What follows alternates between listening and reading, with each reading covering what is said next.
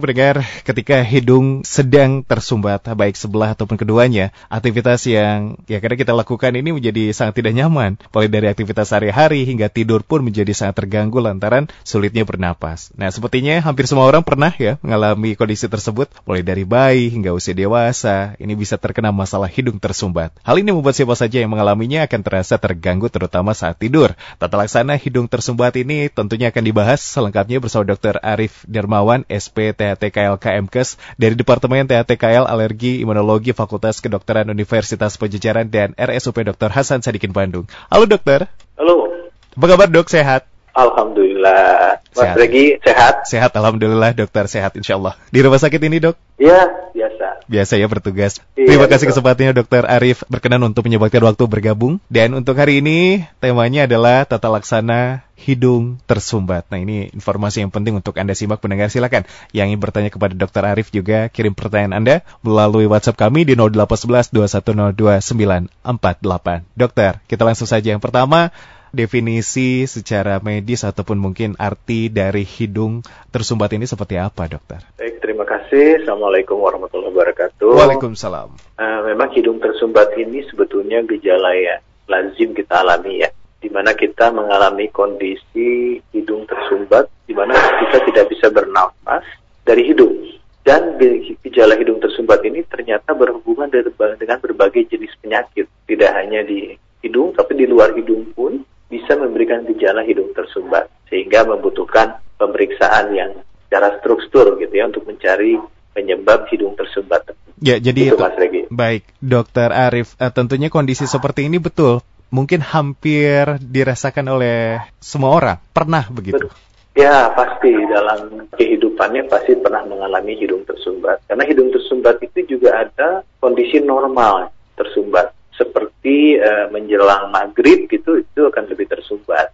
Atau menjelang subuh itu menjelang itu itu juga akan tersumbat. Tapi juga ada tersumbat yang berhubungan dengan kelainan penyakit gitu. Kalau misalkan nah ini kondisi kan memang berbeda-beda ya, ada yang maksudnya biasa ataupun mungkin karena ada faktor risiko akan satu penyakit. Dokter bisa menjelaskan apa saja sebetulnya yang menyebabkan hidung kita tersumbat juga, Dok? seperti kita tahu ya, kalau kita lihat fungsi hidung itu kan banyak ya, mulai dari bernafas. Jadi hidung kita sangat berperan sangat banyak. Dia fungsinya banyak ya untuk melindungi kondisi paru-paru sebetulnya. Jadi sebelum paru-paru kita sakit itu biasa di- dilindungi oleh hidung kita. Sehingga kita harus punya fungsi hidung yang baik. Nah, pada kasus hidung tersumbat, kita harus lihat ini penyebab-penyebabnya kita harus lihat apakah struktur hidungnya memang bermasalah atau miring begitu atau ada proses infeksi atau peradangan juga pada orang tua ya ada berhubungan dengan syaraf itu ternyata bermasalah juga di hidung atau ibu hamil karena hormonal itu sering tersumbat juga atau kita bekerja di tempat yang berlingkungan polutannya tinggi ya seperti Hmm. pabrik tekstil dan lain-lain. Atau juga ada obat-obat tertentu juga bisa jadi penyebab hidung tersumbat. Jadi penyebabnya itu multifaktor sebetulnya. Ya baik, tentunya jadi eh, beberapa kondisi ini bisa mengindikasikan dan tentunya akhirnya hidung tersumbat. Kalau untuk pasien dokter sendiri ini kebanyakan karena apa ya, Dok? Kalau di hidung itu kebanyakan kasus saya menangani dari alergi itu yang paling banyak. Kemudian juga kasus pilek yang bukan karena alergi juga banyak ya, seperti karena eh, kehamilan. Itu Hmm. hormon estrogen yang tinggi Iya, iya, itu iya. juga menyebabkan hidung tersumbat. Maka Hmm. ibu hamil itu harus paham Oke. bahwa pada proses kehamilan akan terjadi hidung tersumbat karena itu bagian dari proses hormon. Kemudian Hmm. kalau alergi ya jelas biasanya memang ada riwayat alergi di keluarga kita seperti Hmm, hmm, asma, Hmm. kaligata atau mudah bersin kalau kena debu ya. Atau karena juga pilek infeksi yaitu mungkin lebih ada demam ya Iya, iya. infeksi ini bisa virus, bakteri, dan lain seperti pandemi sekarang kan memang pasien juga sering mengeluh pilek tersumbat kan Mhm. COVID-19 juga sama saja seperti halnya pilek-pilek yang penyebab yang lain selain virus Mhm, begitu. mhm, mhm. Kemudian juga bisa juga kalau polip juga saya sering temukan, mhm. sinusitis juga atau bengkok hidung. Bengkok hidung. Mediasi namanya itu sering juga ada. Dan juga kasus kanker hidung ya, tumor hidung juga Mhm, itu mhm. ada. Kalau kasus-kasus di luar hidung, uh, orang-orang dengan darah tinggi ya, hipertensi, nah obat-obat hipertensi itu bisa menyebabkan sumbat hidung juga, sama begitu ya. Kemudian uh, pada perokok tuh lebih sering tersumbat sampai juga kalau stres, stres juga kita hidung tuh lebih mudah tersumbat sehingga orang-orang stres juga agak sulit bernapas lewat hidung. Jadi memang penyebabnya banyak. Baik, jadi tentunya kalau disampaikan, dipaparkan oleh dokter Arif mengenai faktor penyebab dari hidung tersumbat ternyata banyak sekali. Kalau untuk Betul, hal itu kondisi ya. terjadi, apa yang harus diperhatikan ataupun mungkin apakah hidung tersumbat ini memang harus menjadi warning untuk kita? Takutnya dokter juga tadi menyampaikan ini bisa menjadi indikasi ke faktor penyakit serius, dokter. Seperti yang tadi saya jelaskan bahwa fungsi hidung itu kan untuk bernapas. Mm -mm. Jangan lupa hidung kita juga bisa mengatur suhu mengatur kelembaban, ya, kemudian memfilter udara. Nah, seperti kalau di luar terlalu dingin, oleh hidung kita dihangatkan, hmm. atau di luar terlalu panas, oleh hidung kita didinginkan. Begitupun kelembaban sama, dia mengatur hidung kita. Kemudian di hidung kita juga bisa memfilter, ya, mulai dari uh, diameter bakteri sampai ke virus sebetulnya bisa difilter atau ditangani oleh hidung kita. Makanya kalau hidung kesehatan hidung kita baik, itu biasanya kita bisa menangkal berbagai invasi mikroorganisme, baik virus, bakteri. Tentu ditopang juga oleh sistem imun yang bekerja di dalam hidung kita. Khusus pandemi seperti ini, tentu kalau hidung saja bekerja dia tidak akan mampu. Makanya dibantu dengan masker. Masker juga itu meminimalisir virus untuk masuk lebih banyak ke arah hidung. Itu kalau melihat fungsi seperti itu, bagaimana kalau terganggu? Tentu akan terganggu sekali.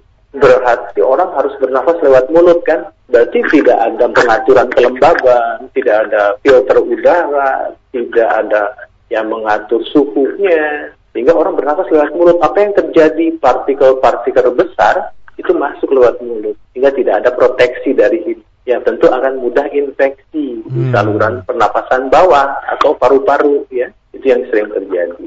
Biasanya orang kalau bernafas lewat mulut jalan jangka lama dia akan terganggu tidur. Akhirnya kualitas hidupnya terganggu. Sering nggak sekolah nggak masuk kerja dan lain sebagainya. Itu efek dari gejala-gejala konsekuensinya adalah terhadap gangguan kualitas hidup orang itu produktivitasnya akan turun karena dia e, mengalami hipoksi atau kekurangan oksigen baik saat aktivitas maupun saat tidur.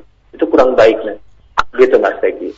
Baik, dokter apakah ada kondisi yang berbeda yang mungkin tentunya bisa menjadi warning untuk kita kondisi hidung tersumbat yang biasa saja dan hidung yang tersumbat karena kondisi yang mungkin yaitu tadi indikasi penyakit yang serius dok. Adakah yang bisa kita kenali? Ya, kalau kita mengecek hidung kita tersumbat tidak, kita bisa mengecek apa hembuskan saja udara nafas di hidung kita. Kemudian satu lubang hidung kita tutup uh, dengan telunjuk begitu, satu sisi kita hembuskan. Kita lihat bergantian kiri kanan. Tapi kalau ternyata hembusan kedua hidung kita sama, itu berarti saluran nafas kita terbuka. Tapi pada orang yang tersumbat itu biasanya akan ada penurunan aliran udara pada saat kita hembuskan. Dan juga kalau kita mendengar suara orang yang tersumbat hidung itu biasanya sengau atau ngirung ya orang Prancis bilang mengirung gitu ya. Yeah. uh, atau uh, kalau di, istilah medis itu rinolalia, jadi sengau begitu. Itu menunjukkan kita sering mengalami kalau di film tersumbat pasti suara kita bindeng ya apalagi Mas Regi nih penyiar pasti kedengaran nih kayaknya lagi pilek nih gitu kan suaranya jadi sengau. Iya gitu, iya ya. iya iya. Itu udah satu tanda bahwa terjadi uh, kita nggak sehat nih bernafas kita pasti lewat mulut terus nih begitu nah itu yang bisa nah kalau dokter THT akan periksa lagi lebih mendalam ke arah hidungnya biasanya ada konka itu konka itu ada tulang hidung di bagian dalam dia akan membesar nah itu juga tanda uh, biasa ada cairan ingus juga itu juga menandakan ada tanda-tanda infeksi atau proses saluran nafas yang tersumbat begitu di hidung kita kira-kira seperti itu pemeriksaannya Baik. yang bisa kita lihat. Mm -hmm, Uh, butuh proses yang lama dokter ketika memang ada pasien yang berkaitan dengan permasalahan ya. hidung tersumbat ini? Ya, kalau tadi yang ringan ya kita harus diperiksa dulu nanti okay. dokter akan menyimpulkan ini hanya infeksi saja atau alergi ya atau pilek seperti biasa gitu. Tapi juga kita harus waspada kalau hidung tersumbatnya satu sisi, contohnya pada anak-anak Nah, anak-anak biasanya sering memasukkan benda asing tuh ke hidungnya. Nah, itu sering juga pasien datang ke kami, eh, anaknya, ibunya mengeluh anaknya tersumbat hidung sebelah kiri, terus berbau. Kita lihat ternyata anak-anak tuh cenderung memasukkan benda asing kan. Nah, itu bisa ke salah satu hidungnya, itu juga bisa. Atau pada orang dewasa, tersumbat satu sisi, kita harus pikirkan suatu tumor gitu. Itu juga harus jadi pertimbangan kita. Biasanya dokter THT akan melakukan peneropongan atau nasoendoskopi namanya untuk melihat kenapa hidung yang sebelahnya itu kok tersumbat seperti yang dikeluhkan pasien. Nah dengan pemberian endoskop kita bisa lihat, oh ini suatu tumor atau suatu polip begitu ya. Nah, kalau pada anak-anak satu sisi itu bisa saja suatu benda asing atau bisa saja ternyata ada bengkok hidung itu juga jadi penyebab. Jadi ada yang memang prosesnya akut begitu mm -hmm. itu kebanyakan seringnya infeksi. infeksi. Kalau yang lama ini seringnya alergi atau mm -hmm. tumor atau polip tadi saya yeah, bilang yeah. ya. Itu saja. Kira Berarti memang nanti uh, kalau yang akut tindakannya ya yang harus ditangani adalah yang tadi ya, pencetusnya begitu ya dokter ya? Ya, kebanyakan infeksi ya kalau akut okay. atau benda asing gitu ya, hmm. pada anak-anak itu. Hmm, hmm, hmm. Nah itu dia tentunya kurang lebih uh, mengenai hidung tersumbat yang kadang-kala memang betul dokter ini mengganggu aktivitas ya jika berkaitan dengan pekerjaan ataupun istirahat. Ini kan kalau tersumbat tidak nyaman dokter kalau mau betul, istirahat atau tidur. Betul, ya. Baik, lalu tentunya uh, penanganannya sendiri ini bagaimana nanti dok kalau misalkan kondisi hidung tersumbat ini? Ya tentunya kita setelah evaluasi tadi kita pastikan apakah hidung tersumbat ini sampai mengganggu kualitas hidup dia tidak. Mm-hmm. Ya. Kalau memang sudah terganggu kualitas hidup kita harus cari penyebabnya apa. Tadi apakah di dalam hidung atau di luar hidung kita pastikan. Kalau di dalam hidung kita pastikan juga struktur hidungnya ada masalah tidak, bahwa bengkok hidung dan lain sebagainya. Kalau ada infeksi kita obati ya. Kemudian kalau bengkok hidungnya kalau berat sekali kita rekonstruksi, kita luruskan kat hidungnya. Seperti itu kita. Jadi pengobatannya bisa dengan obat-obatan yang bisa kita pakai ya.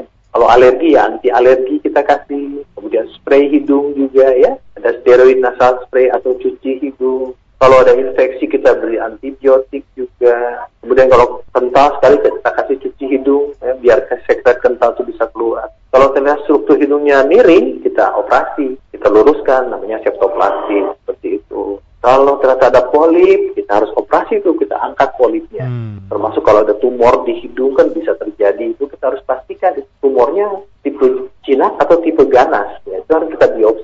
Kali yang kita angkat, kita biopsi, kita lihat seperti uh, penanganannya ke arah sana. Itu jadi bisa medika uh, obat-obatan atau bisa operasi uh, penanganan hidung tersumbat tersebut. Ya, itu dia tentunya untuk penanganannya tersendiri. Dan kalau untuk kondisi alergi, biasanya memang uh, kebanyakan untuk alergi sendiri, ini karena apa, dokter? Ya, karena uh, alergi itu berhubungan dengan sistem imunitas tubuhnya yang sedang turun.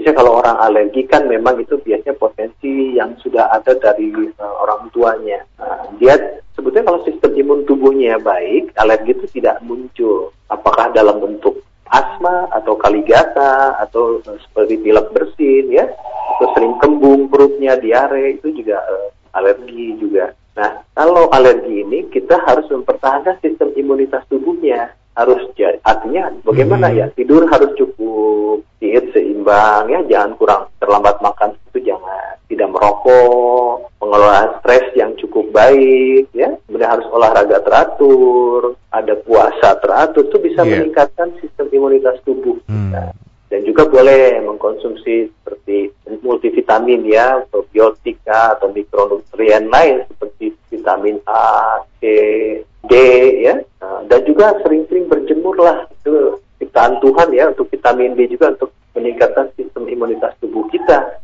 Di masa pandemi ini disarankan untuk kita berjemur ya antara 9 sampai jam 12 itu cukup. Atau mau yang lebih sebentar ya antara jam 11 jam 1 gitu sekitar 15 menit itu ya cukup. Itu Mas Regi. Baik dokter, terima kasih pemaparannya sudah lebih paham begitu ya untuk Anda pendengar yang menyimak perbincangan ini bersama dokter Arif, tata laksana hidung tersumbat. Kadang suka gemes saja begitu dok kalau tersumbat, napas nggak bisa begitu ya. Ada berbagai cara yang mungkin tentunya bisa dilakukan dengan sigap dan aman begitu dok ada tipsnya begitu kalau hidung tersumbat ini harus bagaimana menghirup aroma yang pekat atau bagaimana sih sebetulnya dok? Bisa dilakukan ya. dengan hal seperti itu atau jangan?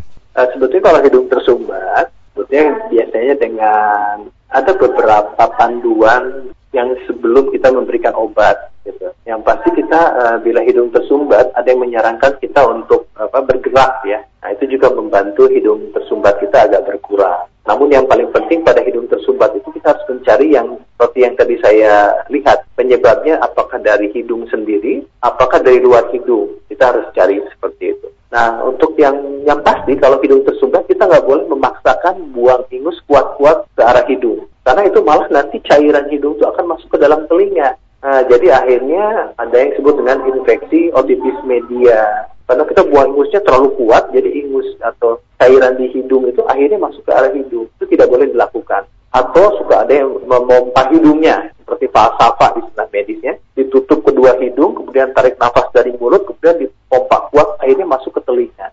Itu juga tidak boleh dilakukan seperti itu. Yang paling mudah adalah coba bergerak. Memang ada e, beberapa yang menyarankan untuk pakai apa ya uap panas, nah, itu gitu ya, ya. Mm-hmm. seperti itu.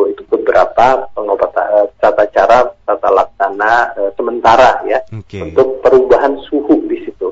Diharapkan dengan perubahan suhu pembuluh darah di hidung akan kempes gitu logikanya seperti itu namun tadi seperti yang bertanya apakah ada aromaterapi tertentu dan lain sebagainya memang sampai saat ini banyak literatur atau apa ya eh, yang menyatakan demikian namun data ilmiahnya masih sedikit lemah sehingga saya juga belum bisa bicara apakah ini direkomendasi saya hanya membicarakan yang direkomendasikan oleh WHO saja ya mm -hmm, atau dari yang sudah terbukti secara ilmiah gitu ya kalau aromaterapi belum belum belum saya lihat okay. efeknya terhadap secara ilmiah ya Mas mm -hmm, Regi ya. Mm -hmm, mm -hmm. Kalau pengalaman satu orang, satu individu atau promosi satu obat atau promosi satu produk bisa-bisa saja, tapi kan kita harus lihat dari kalau untuk aromaterapi ya. Yang pasti aromaterapi itu bermanfaat untuk uh, memberikan rasa nyaman sebetulnya. Pasti akan ada itunya apa efek nyaman, orang lebih santai, sarafnya seimbang, pembuluh darah yang itu akan kempes. Itu logikanya bisa saja aromaterapi yang dipakai orang-orang untuk mengurangi sumbat itu. Yeah. Itu saya kira Mas Regi. Terima kasih Dokter Arif ya. Jadi tentunya pendengar untuk Anda yang dirasa memang itu membahayakan atau malah nanti memperburuk keadaan, lebih baik langsung periksakan ke fasilitas kesehatan ya dok ya. Ya, seperti apa? Burah ya, burah hidung yeah. itu juga tuh. Jadi akhirnya banyak komplikasinya. Bahaya begitu ya. ya. Jadi kita pastikan dulu tuh penyebabnya apa. Mm -hmm, mm -hmm. Baik, itu dia tentunya ya. Dok, sebelum ke pendengar, sebagai bentuk pencegahan sendiri terjadinya hidung tersumbat ini bisa diminimalisir, dokter? Ya, tentu uh, kita harus tetap mempertahankan fisik kita dengan baik, olahraga teratur, gitu ya. Ini kalau kita memang sering mengalami hidung tersumbat yang berulang, mm -hmm. uh, contohnya karena kasus alergi, seperti yang tadi saya bilang. Dan kalau hidung tersumbatnya karena faktor usia, ya kita harus lihat ini pada para lansia ini harus dilakukan edukasi bahwa dia harus sering melakukan aktivitas fisik ya, karena dengan melakukan aktivitas fisik nanti keseimbangan antara saraf ada ya di tubuh kita tuh ada simpatis parasimpatis namanya. Itu tuh seimbang biasanya. Nah pada orang tua itu tidak seimbang. Nah, itu harus diseimbangkan dengan gerak tubuh. Kalau ibu hamil kita edukasikan bu ini bahwa selama kehamilan ibu akan selalu mengalami yang disebut dengan hidung tersumbat kita harus berikan dia jangan sampai uh, berpikir penyakit yang lain-lain ya. Kita harus terangkan bahwa ini proses hormon. Nah, pada ibu hamil biasanya kita sarankan untuk tetap olahraga, menggunakan masker, kemudian sekali-kali diberikan obat cuci hidung. Itu juga bisa. Kalau orang yang individu yang bekerja di tempat dalam tanda kutip tempat bekerja polusinya tinggi, ya dia harus memakai proteksi hidung yang baik yang disarankan oleh kesehatan kerja. Jadi jangan sampai dia tidak menggunakan masker yang baik ya tetap nanti akan merasa tersumbat di hidung. Kita harus melihat dari kasus per kasus penyebab dari hidung tersumbat tadi. Sehingga pasien bisa paham penyebab hidung tersumbatnya dan pengobatan atau penanganan pencegahannya adalah melibatkan pasien sendiri, tidak mengandalkan obat semata. Ya dengan paham penyakitnya dia bisa mengendalikan dan mencegah hidung tersumbat itu e, terjadi lama gitu. Gitu Mas Regi. Baik dokter, terima kasih dan selanjutnya kita ke pendengar. Assalamualaikum, selamat pagi Fit Radio dan dokter saya Indra di Raja Ekek. Mempunyai keluhan gejala hidung tersumbat, hilang timbul dokter. Dulu pernah didiagnosis polip dan dikasih obat spray hidung. Akan tetapi berapa bulan ini keluhannya muncul lagi dokter. Apakah ada saran dok? Terima kasih eh, pertanyaannya. Kemungkinan memang ini kalau hilang timbul, kita harus lihat apakah Bapak punya bakat alergi atau tidak biasanya kalau hilang timbul kadang memberat pagi-pagi gitu ya atau malam atau kalau ada pencetusnya debu ya itu juga mungkin ada faktor alergi hidung tersumbat bapak kemungkinan kalau diduga suatu polip berarti tentang polipnya kita harus lihat. Kalau polipnya hanya kecil, derajatnya tidak terlalu besar, biasa dengan spray hidung yang Bapak sudah pakai waktu itu, itu mungkin polipnya mengecil dengan spray spray hidung itu ya. Namun penyebab alerginya, pencetus-pencetus alerginya itu belum teratasi dengan baik sehingga kadang bisa kambuh kembali. Jadi saran saya memang dicoba biasanya ke dokter THT kita akan melihat dulu ini ada faktor alergi tidaknya. Kalau biasa dicoba dengan spray hidung kembali, kalau tidak juga respon baik, Bapak harus tes alergi biasanya untuk melihat apakah betul ada alergi tidaknya. Kalau ternyata polipnya memang kambuh kembali, ya tentu kita lihat kalau derajatnya sudah derajat berat, itu polipnya harus diangkat, Pak. Gitu. Karena kalau hanya mengandalkan obat itu uh, dia tidak akan mengecil. Jadi uh, itu kira-kira advice dari saya, saran saya. Baik, itu dia untuk tanggapan dari pertanyaan Bapak Indra berikutnya. Selamat pagi Dokter David Radio, saya Fitri di Cilenyi mau tanya jika hidung tersumbat, apakah itu salah satu tanda dari tumor? Bagaimana cara mengatasinya dokter? Baik, terima kasih Pak Fitri ya. Kalau hidung tersumbat, tumor, itu biasa ada gejala yang lain selain hidung tersumbat. Contohnya disertai dengan darah, ya hidung berdarah gitu. Itu juga kita takut curiga suatu tumor. Kita paham bahwa tumor itu juga ada yang menyebar, ada yang tidak menyebar, atau yang jinak, atau yang ganas ya istilahnya. Nah, untuk memastikan apakah betul tumor hidung, biasa kita lakukan peneropongan dari arah hidung. Selain tadi hidung tersumbat, satu sisi contohnya disertai darah, nah itu sudah menunjukkan ke arah betul tumor hidung. Biasanya dokter THT akan melakukan endoskopi ke arah hidungnya. Kemudian dilihat kalau memang ada e, benjolan yang abnormal, kita akan ambil biopsi biasanya untuk dilihat sampelnya, kemudian kita lakukan CT scan.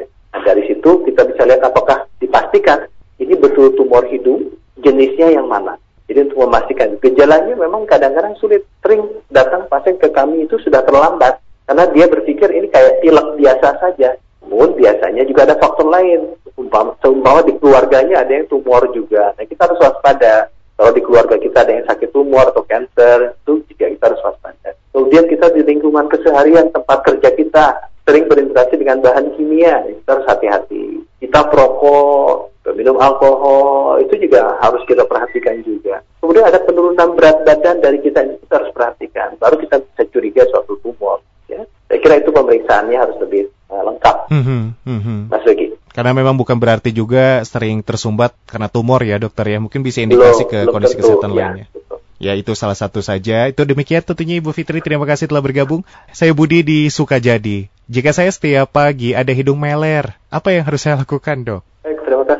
Kalau pilek alergi itu khas tuh. Pagi-pagi atau malam hidungnya meler, perlu tisu banyak, buang ingusnya mampet hidung, iya, iya. bersin, gatal itu khas suatu alergi. Apalagi orang tua kita ada asma, ya, adik kita ada kaligata dan lain sebagainya. Itu khas. Kita lihat evaluasi ke diri kita. Bagaimana keseharian kita? Apakah kita sudah menjaga sistem imun kita? Kalau belum, coba dulu olahraga dengan baik, ya, merokok juga stop dulu. Kalau kita berkendaraan bermotor, pakai masker yang baik. Di kamar tidur, karpet, selimut berbulu, jangan pakai. Menumpuk buku-buku lama, minimalisir.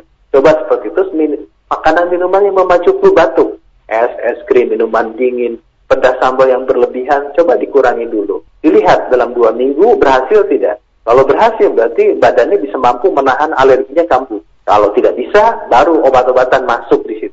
Apakah obat spray hidung, obat anti alergi dan lain atau cuci hidung itu bisa diberikan oleh dokter biasanya begitu ya. Mas Regi. Ya, itu dia untuk uh, Bapak Budi di Sukajadi. Terima kasih. Ada Bu Asni di Antapani. Kalau anak kita hidungnya tersumbat, apa yang sebaiknya kita lakukan untuk mengurangi gejalanya? Kalau pemberian aromaterapi seperti mentol ataupun minyak kayu putih itu ada gunanya tidak dok? Terima kasih dok. Baik, terima kasih Bu. Anak-anak sering hidung tersumbat, jangan dilupakan juga pada anak-anak itu sering ada amandel. Ya, amandel itu kan ada yang disebut dengan adenoid.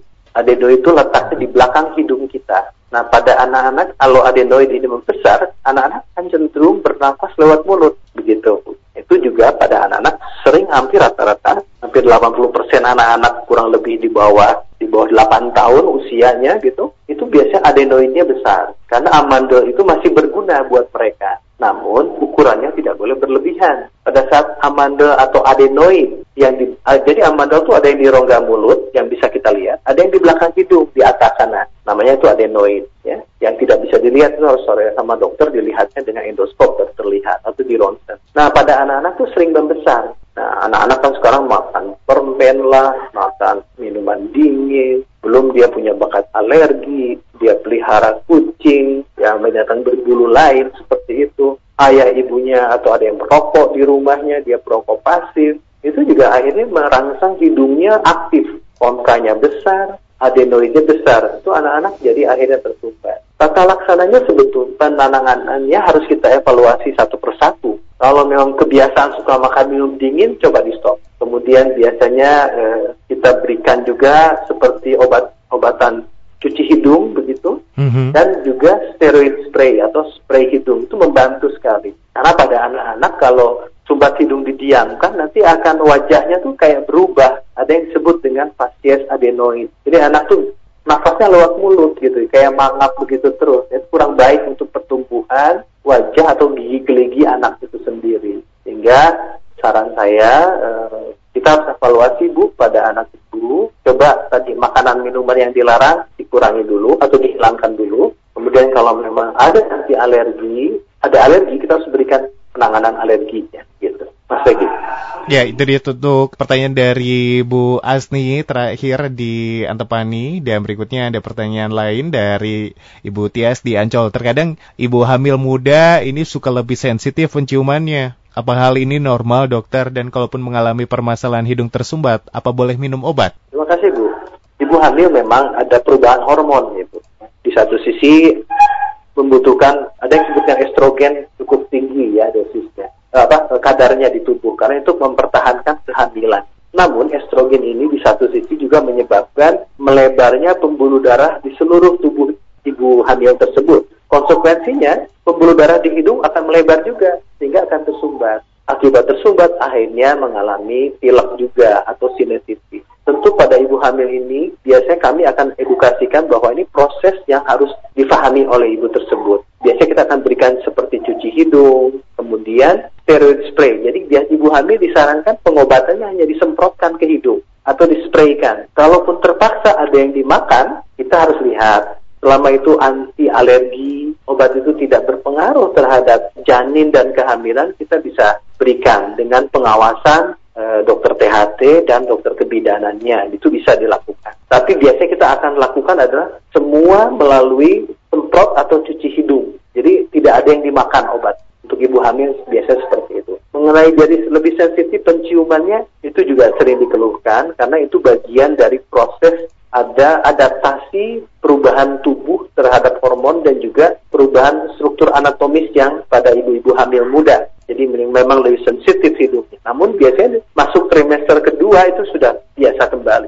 Kalau tetap masih sampai akhir mungkin itu uh, ada beberapa pada individu tertentu jadi lebih sensitif saja.